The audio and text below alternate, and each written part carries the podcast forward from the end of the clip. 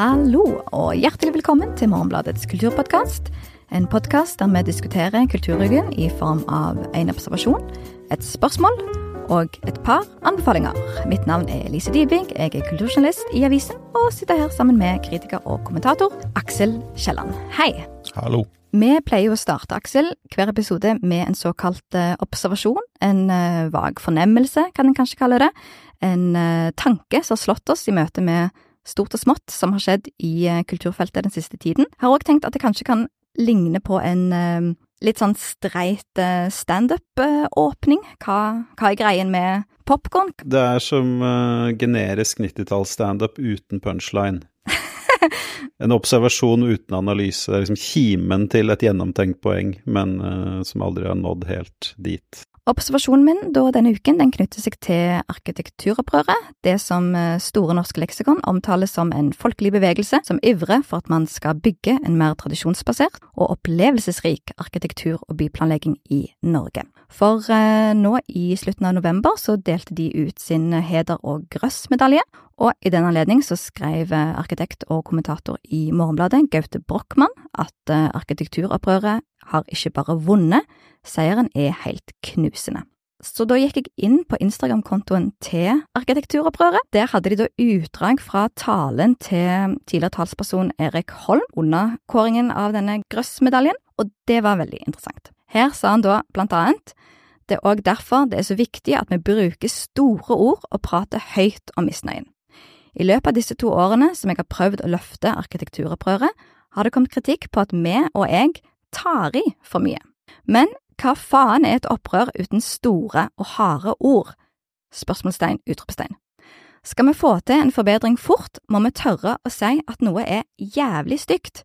Ingen lytter til noen som sier at et bygg er mindre pent. Når jeg har bladd meg gjennom Instagram-kontoen til arkitekturopprøret, så kan jeg jo bli litt irritert og kanskje ta litt hardt i, men du tenker jo at sammenstillingen av de hele tiden gjør nye stygge bygg og gamle, flotte bygg, er litt feil, fordi at en, en tar ikke inn over seg liksom enkelttilfeller og historiske prosesser og utfordringer som gjør at ting blir seende ut sånn som de blir seende ut. Men eh, når Gaute Brochmann skrev at de har vunnet, og så når jeg leste dette at uh, ingen hører på deg hvis du sier at noe er mindre pent, uh, her må vi bruke store, harde ord for å nå fram, så tenker jeg at ja, men her har vi strategien, og den har de da lyktes med, og that's it. Altså, jeg har jo beundra som kritiker den, eh, den Instagram-retorikken deres. Bare sånn, ikke bare hvor effektiv og liksom brutal den er, men også hvor uh, godt egna den er for gjentakelse. Du, det er liksom virkelig ingen ende på det der. Du kan, og, og liksom, du vet du har en god formel når publikum kan begynne å gjøre det for deg. Det de har lykkes med, er at de drar liksom folk som tidligere ikke så seg selv som i stand til å ha, eller berettiget, å ha en stemme i arkitekturdebatten. De har dratt de med eh, inn i debatten, og de har utvida debatten. Men de er jo en veldig populistisk protestbølge, og selv om jeg ofte, veldig ofte har vært enig med dem når de kritiserer nye bygg, så er jeg veldig sjelden enig med dem når de trekker fram idealene sine. Det er mye ideologisk grums ute og går i make eh, norsk arkitektur great again-opplegg. Men eh, der, i det minste så, så kan en jo håpe på at nå når vi har brukt de store, harde ordene for å komme dit vi er i dag og fått den oppmerksomheten, kan vi òg da bruke andre typer ord for å snakke om arkitektur framover. La oss ende på et oppløftende sted der, og gå videre til dagens spørsmål, som er hva er julestemning, og hvorfor blir den stadig mer desperat? I uh, filmen Love Actually, som uh, kom for 20 år siden akkurat i år, så sier en vel jo at uh, love is all around, men hvis en ser seg rundt i dag, så kan en vel si at julestemningen er overalt. Og kanskje ikke julestemningen, så i hvert fall julekulturen.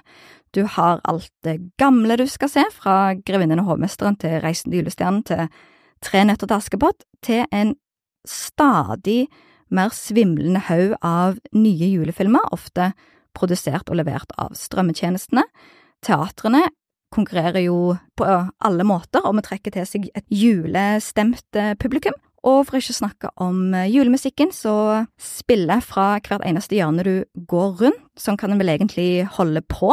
I eh, forrige episode, Aksel, der vi snakket om 24 stjerners julekalender, så var du innom hvordan lineær-TV har spilt en veldig viktig rolle i å, det å forme publikums kulturvaner knytta til jul. Kan du bare begynne med å forklare litt hva som ligger i det? Ja, altså det, det, veldig mye av de tingene som folk velger å trekke fram uh, i jula nå, er jo ting som de før måtte ikke hadde noe valg. Du skrudde på uh, en av de få kanalene som fantes, og så som regel NRK og så så du det som gikk der. Og så syns jeg vel da, hvis jeg skal komme meg med noe i nærheten av en sånn overgripende analyse om moderne julekultur, er at den gjennomsyres etter, eh, av, en, av en lengsel etter eh, på en måte en analog mediehverdag, da, hvor eh, folk hadde færre valg, hvor folk automatisk tok del av den samme kulturen fordi det var mindre å velge mellom. Og er det noe julen er spesielt godt egnet til, så er det vel nostalgi og ting du ser igjen og igjen, og til slutt så har du sett det så mange ganger at du klarer ikke å ha et kritisk eller u utenforstående blikk på det du ser, men det bare skaper akkurat de rette følelsene bare introen begynner å spille, fordi at du forbinder det med alle de andre årene tidligere du har sett på dette. Og da har jeg jo forstått det sånn, Aksel, at du har sett eh, i hvert fall deler av Love Actually for, eh, for første gang, jeg har sett nesten halve Love Actually for første gang, jeg. Ja. Og den bygger jo veldig opp under det der poenget, da. Eller tror jeg, det bygger opp under analysen min, at dette er vel en av de siste sånn uh, Altså en av de siste virkelig, virkelig populære filmene i den derre uh, romantisk ensemble uh, mm. En av de siste store, liksom britiske underholdningsfilmene som ikke var action- eller eventyrbasert. Så er den så eh, gjennomsiktig i alt den gjør. Den er, så, den er, så, ubeskjemmet i alle grepene den bruker at du nesten må beundre den. Da, for at altså, du ser på en måte hvor alt skal ende. Jeg at hvis vi hadde satt oss ned nå, så kunne jeg gitt en ganske god og treffende Uh, oppsummering av hvor alle uh, liksom de forskjellige plottrådene vil ende. Men, men, den er liksom en film som, som, sier til publikum at se her, du, se hva vi har tenkt å gjøre, du skal få det du vil ha. Og, og så vil folk ha det igjen og igjen og igjen. Ja. Jeg, jeg syns Love Actually er en helt, helt grusom og uspiselig film. Jeg tror jeg så den for ti år siden første gang, altså da var han allerede ti år gammel. Første gang jeg så den, syntes jeg han var fin og sjarmerende, og så så jeg han igjen, jeg tror et år etterpå. Og da gikk det plutselig opp for meg hvor utrolig sexistisk filmen er. Og så finnes det et veldig bra det finnes en veldig bra feministisk analyse av filmen på et nettsted som heter Jezebel, den lenken kan vi jo legge til i episodebeskrivelsen, men du har altfor mange forhold som er basert på en mannlig overordnet og en kvinnelig underordnet, en kvinnelig ansatt, og i denne Jezebel-kommentaren så har de òg et poeng om at filmen straffer alle kvinnelige karakterer som har mer enn tolv replikker, altså Emma Thompson, det er hun som må lide mest i filmen, det er fordi at hun snakker for mye. Og så gjør de det enda verre med å pakke det inn i britisk sjarm, og hive på masse dyktige britiske skuespillere, og da har du liksom lite du skal stille opp med som seer. Det lages ikke sånne filmer lenger, og det er delvis på grunn av det du nevner nå. Eh, altså at den derre eh, store flettverksromansefilmen Det var noe forsøk for sånn fire-fem år siden, husker jeg, som bare ikke gikk noe særlig bra. Og jeg tror det er litt som Vi har vel eh, i filmpodkasten så diskuterte vi litt det, hvor, hvor, hvor har det blitt av den liksom store romantiske komedien? Mm. Eh, og det er noe med at de springer ut av en tid der man hadde eh, Hvor folk, publikum ikke sånn automatisk gikk til disse, denne feministiske kritikken, eller liksom den kritikken av, av representasjon, da, generelt. Og eh, den kritikken rammer veldig hardt nye filmer i den sjangeren i dag, men, den, men de som er lagd, og de som har fått et fotfeste, de går i stor uh, grad klar av den. Så derfor blir det på en måte det er ikke bare at den er en gammel film som minner oss om en viss tid i, i kulturhistorien, men det er også den siste Det er liksom den, den siste gang vi har lov til, i anførselstegn, eh, å sette pris på denne filmer, eh, den typen filmer. Sånn at eh, det blir en sånn dobbelt nostalgi, da. I tillegg til den uh, juleforsterkende Den funksjonen fyller som, som julestemninggenerator. Samtidig så er det jo noe med at når du ser på hvilke nye julefilmer som lages, og de lages jo på, på samlebånd, så er det jo veldig ofte romantiske komedier, og det har provosert meg i mange år at den romantiske komedien har blitt eh, kannibalisert av julefilmen. Igjen, hvis vi kan gå innom og kjapt på dette med juleestetikk, og det er noe med at når det gjelder julekultur, så er alt som ellers er litt uglesett resten av året, er det fritt fram for, så lenge du taler julens og julestemningens sak, da. Og da er det jo noe med denne, denne litt sånn inderlig romantiske holdningen som eh, en prøver en i hvert fall ikke ser så mye av til ellers i året, så er det bare å pøse på med et ufiltrert forhold til magi, et ufiltrert forhold til romantisk kjærlighet, og et ufiltrert forhold til stygge og grelle julegensere, for eksempel. De der julegenserne er jo en eller annen sånn symbolsk presentasjon av uh, en endring i, i, forhold til julekulturen. For at folk snakker ikke om julegensere, de snakker nettopp om grelle eller stygge julegensere. Mm -hmm. Og det er en sånn bevissthet rundt den dårlige smaken, da, eller den, uh, den dekadente smaken, eller hva du vil kalle det. Og liksom, du sier at det stemmer det at, at det produseres julefilmer i, i, bøtter og spann, men det er gjerne billige produksjoner som slippes, uh, og hovedsakelig nå på strømmetjenester. Sånn at de, hva skal man si, det er lave stående kulturprodukter da, enn en, uh, en, kinofilm som, som, uh, som Love Actually. Og de blir også tatt imot, altså Publikum har blitt veldig mye mer selvbevisste i sitt konsum av juleprodukter. Og det er noe interessant ved det, at, at det føles fall for min del så føles det som at jul, julestemning nå har blitt en veldig mye mer sånn selvbevisst størrelse. Det er blitt noe folk har et veldig mer aktivt forhold og bevisst forhold til at de gjør, eh, mot at det før kanskje bare i større grad var noe som bare skjedde. Fordi samfunnet var mye mer sånn, ja, monokulturelt, da. Og da tenker jeg ikke bare på at man så det samme på de samme TV-kanalene, men også at man hadde liksom folk eh, De fleste feira jul. Altså, det var ikke så mange som av uh, enten kulturelle eller religiøse eller, eller politisk overbevisning eh, lot være. Så med tanke på at julestemning er noe en skal nå oppsøke aktivt, og vi skal komme litt tilbake til tenker hva, hva er det julestemning egentlig er, men fordi det er ikke bare 20 år siden Love Actually kom, det er 180 år siden A Christmas Carol ble først utgitt av eh, Charles Dickens, så er på en måte den første store eksempelet på julekultur som, som slår virkelig an, da. Og jeg har lest meg bitte litt opp på dette, og en har um, veldig mye av sånne litt mer sånn nostalgiske type tradisjoner kan en spore tilbake til viktoriatidens England, og ikke minst da denne oppfatningen av hva jul og julestemning og tradisjoner knytta til julekultur som som ikke har med noe med religion å gjøre, da. Og da er det noe interessant med at på 1840-tallet cirka, så begynner en å skjønne at rundt jul, i desember, så er det et marked for litteratur eh, som har med jul å gjøre. Folk vil bruke gjerne fritiden sin på å lese fortellinger satt til den høytiden en går inn i. Og der kommer A Christmas Carol, og der kommer det en del andre. Det mange de gjør, da, er at de legger fram et slags manus for hva en skal forbinde med jul og juletiden.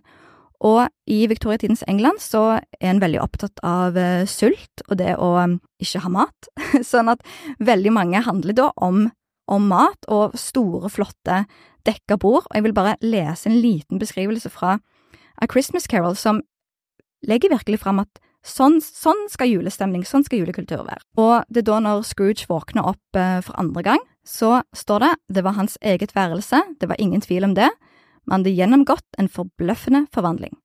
Vegger og tak var i den grad behengt med grønt at hele rommet var som en levende lund. Overalt glinsa blanke, skinnende bær, og så, utover gulvet, lå i mengder, hauget opp til en slags trone, kalkuner, gjess, vilt, høns, sylte, digre steker, pattegriser, lange pølseskjeder, farsepaier, plompuddinger, tønner med østers, rødglødende kastanjer, kirsebærskinnende epler, saftige appelsiner, søte pærer, veldige helligtrekongers kaker og sydende terriner med punch. Og med tanke på at dette er en tid mange går sultne, så er det et veldig trykk på en kan jo kanskje kalle det en slags eh, aktivisme, blir feil, men det er et sosialt blikk i disse julefortellingene som handler om eh, de som ikke kan være med på denne julefeiringen, og det handler om en omfordeling av denne maten. Sånn at Scrooge, når han eh, på en måte fått, fått, sin julevekkelse, så handler det om å gi bort eh, mat, en kalkun, og så er det noe med at denne ideen om julefeiringen som en sånn middelklassefeiring der vi må gi til de som ikke har så mye, er òg avhengig av at ting er litt kjipe til vanlig. Sånn at vi skal være greie med de fattige når det er jul, sånn at vi kan være kjipe med de resten av året. Den sosiale ulikheten må være til stede for at juleånden om å gi og være grei i det hele tatt kan være det, da. Ja, men her tror jeg kanskje at vi er inne på Altså, her har vi jo en forskjell på, på jul og Christmas. Uh, at, at, den norske jula i større grad er bygd på det derre liksom det hedenske ritualet av når, når uh, året er på sitt mørkeste, så svir man av så mye penger og, og mat man kan, og så ofrer man det liksom til, til uh, gudene via sin egen munn, og så snur, snur sola, og så er vi liksom alt uh, på stell igjen. Og at at, at, den samme liksom sånn Det er ikke Altså, du, du har det jo i Norge òg, men jeg, jeg, vet ikke Stikker det kulturelt så dypt, den der eh, veldedigheten rundt jula? Stikker den like dypt i Norge? Du finner jo lite av dette Scrooge-budskapet òg i for eksempel Love Actually, så det handler mer om at min påstand er at det er noe litt um, En vet ikke helt hvordan en skal håndtere et budskap som handler om å se på sosial ulikhet. Så det en gjør, er at en tar budskapet om nestekjærlighet, og gjør det om til et budskap om romantisk kjærlighet i stedet. Det er liksom påstand nummer én. Og så påstand nummer to er at vi trenger desperat denne julekulturen, for fjerner du filmene, bøkene, podkastene, musikken og julegenserne, så sitter du jo bare igjen med mat og ting. Det tror jeg er et veldig godt poeng, og jeg tror eh, Altså for min del så holder det, så holder det ganske bra. Altså jeg, jula er min favoritthøytid, men, men, men, da forstått som julaften til liksom et stykke utpå ettermiddagen andre juledag, da er, da jeg lei. Altså jula er som yoghurtnøtter og, og blåskjellsaus, at det er veldig, veldig godt i små porsjoner, og så blir det kvalmende ganske fort.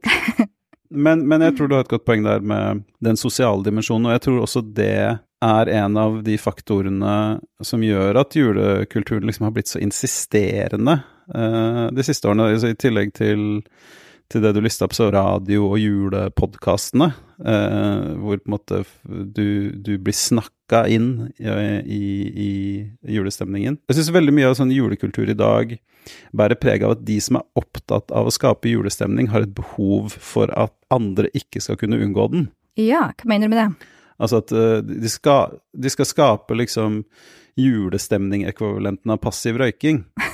Og en av grunnene til at den er så insisterende, tror jeg er at uh, man innerst inne vet at det, det, er mange som ikke kan feire jul. Liksom både I tillegg til de, de, nevnte kulturelle og religiøse årsakene, så er det mange som bare ikke har råd til å gjennomføre da, liksom, den klassiske norske julefeiringen. Og det har man sett både i år og i fjor med, med nyhetsdekningen av matkøer og forbrukerøkonomi.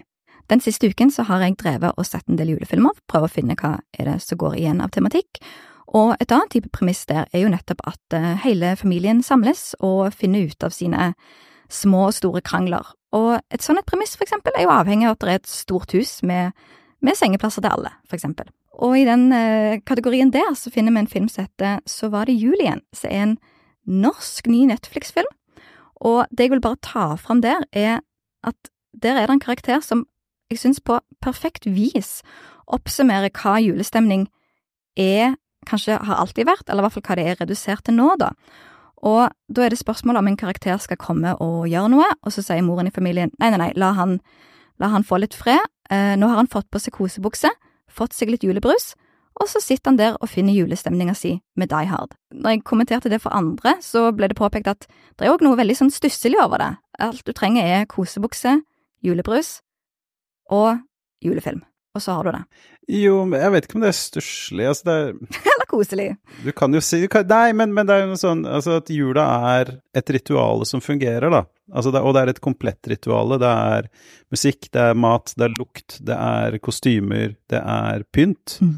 Et av punktene jeg noterte, er eh, spørsmålet er, er liksom om jula er en slags sånn lengsel etter noe katolsk i pietistiske, protestantiske samfunn. Altså samfunn som i det store og hele har liksom bare redusert ritualene sine til, til sånn fundamentalt tørre ikke-transcendentale seremonier som ingen egentlig får noe særlig ut av. Mm -hmm. Så kommer jula da med liksom den overdådigheten på alle fronter. Ja, det teatralske. Ja, og, og, men jeg, jeg, tror det er noe viktig der da, at dette fungerer, og det, det, har jo noe med å gjøre at selv de som er veldig, veldig veldig opptatt av jul, øh, og de som gjerne liksom med glede begynner i slutten av november, de gjør ikke dette om sommeren. Så man begrenser seg, i hvert fall til et eh, noenlunde snevert eh, område av kalenderen. Men er det ikke noe med at julefeiringen tross alt begynner tidligere og tidligere for mange? Um, jeg tror jeg stadig leser saker om at i begynnelsen av oktober kan du finne julegodt i, i butikkene. Jo, og der tror jeg det er en reell fare. Hvis, hvis man strekker den strikken for langt, så vil jo da Så vil det eh, slutte å fungere. Hvis man sprer eh, symbolene og ritualene utover for stort et tidsrom, så, så, vil det ikke fungere like godt lenger. Men der er du for så vidt også inne på det vi gjør nå, er jo også en viktig del av jula etter hvert. Altså den der, eh, enten det er den der gammelmannsaktige åh, juletrær i november, eller den der eh, metadebatten, metadiskusjonen vi gjør nå, da. Så det er jo også den del, en del av mm. jula da, som, som, som vokser i takt med at de andre julefenomenene blir flere og mer prominente. Men jeg tror også en viktig del for å forstå de der filmene er den, eh, og mye av den andre julekulturen, er den rollen som jula i vår, altså nå kanskje spesifikt nordisk, kanskje eh, egentlig hele Vesten Jula har, har eh, rollen som liksom den lykkelige siste akten i kalenderåret. Mm. Og, og, det er et sånt dypere Spille på et dypere gruppepsykologisk behov, tror jeg. Eh, og så får den, som du sier, så får den mange eh, rare uttrykk, annet den romantiske komedien. Hva tenker du en, en julefilm må inneholde for å være en suksess? Nå tenker jeg både i dine egne øyne så vel som kulturens øyne. Kan det være For jeg har tenkt at ofte så må filmen være så bra at du òg kan til nød se den resten av året. Eller er det en suksess hvis du klarer å treffe på julebudskapet på en noenlunde anstendig måte?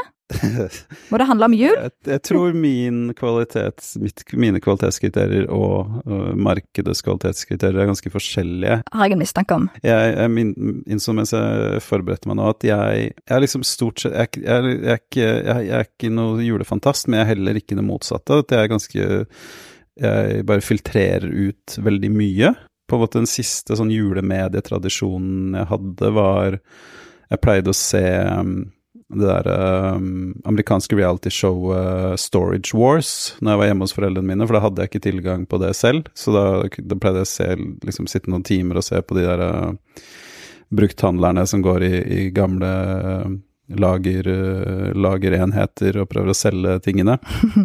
Eh, og så slutta de å sende det på julaften på et eller annet tidspunkt, så da bare fas, fasa det ut. Så jeg er liksom ikke Jeg er ikke i målgruppen. Eh, og jeg har egentlig ikke noe god formening om hva en god julefilm skal være, tror jeg. Annet enn en ren publikumsoppslutning, da. Og der virker det som man Den derre um, norske serien alle var så opptatt av for noen år siden. Hjem til jul? Hjem til jul. På Netflix? Den så ut som den traff, da. Og, og den var jo på en måte hvis, hvis, du skulle fått en AI til å, til å lage en sjekkliste på hva, hva, en julefortelling skal inneholde, så traff vel den ganske bra. Ja, det gjorde han, men så er det òg noe her med at når det kommer til julefilm og julemusikk, jo, jo, mange påpeker jo at det er en nostalgisk lengsel til stede i kulturen generelt, med type sånn hva musikk er det som spilles mest på Spotify, og så er det ofte litt sånn eldre, eldre låter og artister videre, men jeg vet jo òg at mange som for eksempel ikke setter seg ned med en svart-hvitt-film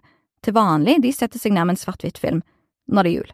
Eller for eksempel, når tid hører du på amerikansk musikk fra 40- og 50-tallet til vanlig? Jo, det gjør en annen jul. Ja, og så tror jeg da at du har rett i det at mange konsumerer julekultur med et annet blikk, altså sånn man er veldig bevisst estetikken på en sånn egentlig ganske overfladisk plan. Mm. Uh, så du sitter og nyter en estetikk uh, som vi vanligvis ikke vil appellere til deg, nettopp fordi den da uh, konnoterer gamle dager eller et eller annet annet du, du syns passer inn i årstiden. Og da er vel implikasjonen der at med en gang det båndet til den viktorianske eller klassiske julefeiringen er brutt, så sitter du igjen med noe veldig usmakelig, og det kan en jo ikke har på seg, så dermed så blir det litt, blir det litt Dickens, det blir litt eh, en kalkun som eh, deles ut til noen eh, fattige barn i London på 1840-tallet, og så kan en sjøl gå og spise julemiddag. Jeg tror det stemmer at, at, man har et behov, mange har et behov for å innhylle det de gjør i, i en større tradisjon og en mer sånn altruistisk ramme.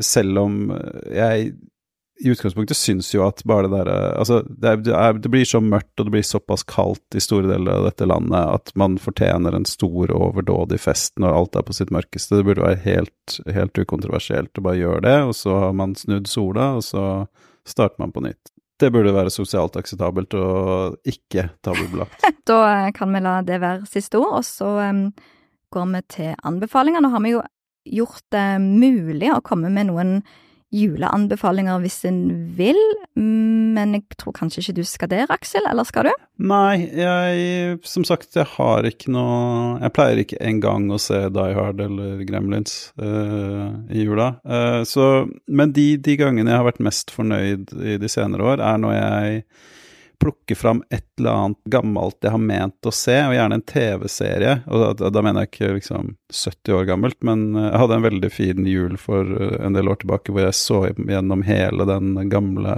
eh, amerikanske spionserien Rubicon. Eh, serien som var så subtil at selv vi som liker den, sliter med å, å forklare hva den handler om. Um, Det er ikke spesifikt den, jeg, men, men, det er den der å finne noe liksom, altså En av kvalitetene i, i særlig romjula er jo da at måte, den der følelsen at uh, verden stopper litt opp, da, og da kunne liksom fortape seg i en eller annen sånn ting man har ment å gå igjennom, uh, ment å se eller lese eller uh, høre på. Det syns jeg er en veldig god idé. og i tillegg så vil jeg anbefale Aki Kaurismäkis nye film 'Høstgule som har, som har premiere første juledag. Da vil jeg trekke fram en film som gjør veldig mye av det jeg nå har uh, kritisert i, i, uh, på alle mulige måter, og det er en film som heter The Shop Around the Corner, som er fra 1940. Den er satt til en krimskramsbutikk i Budapest i opptak til jul. Det er en romantisk komedie. Uh, You Got Mail er blant annet en nyinnspilling av denne filmen, der det er to som jobber i denne butikken som er brevvenner, men de vet ikke at den andre de sender brev til, og de har De kanskje fordra den andre. Og den er Det er søt julefilm på sitt morsomste. Det er en veldig, veldig morsom film, og jeg tror det den klaffer på på julestemning, tror jeg handler om å ha jobbet i butikk i desember, du er kjempesliten, og så stenger butikken, og du har litt ekstra penger på konto, og så skal du inn i varmen og så kan du gjøre akkurat hva du vil med tiden din, fordi du skal ikke lenger stå i den butikken og jobbe. Den kan leies både her og der, ser jeg, digitalt, så veldig, veldig anbefalt. Og i tillegg nå så skal jeg lage en slags alternativ julefilmliste, for jeg har veldig mange andre å komme med òg. Og den kan da leses på morgenbladet.no. Jeg skal også lenke til den i episodebeskrivelsen. Så med det så sier vi tusen takk for oss, og tusen takk til produsent Kristine Aas og ansvarlig redaktør, som er Sunn Heidi Sæbø. Vi snakkes!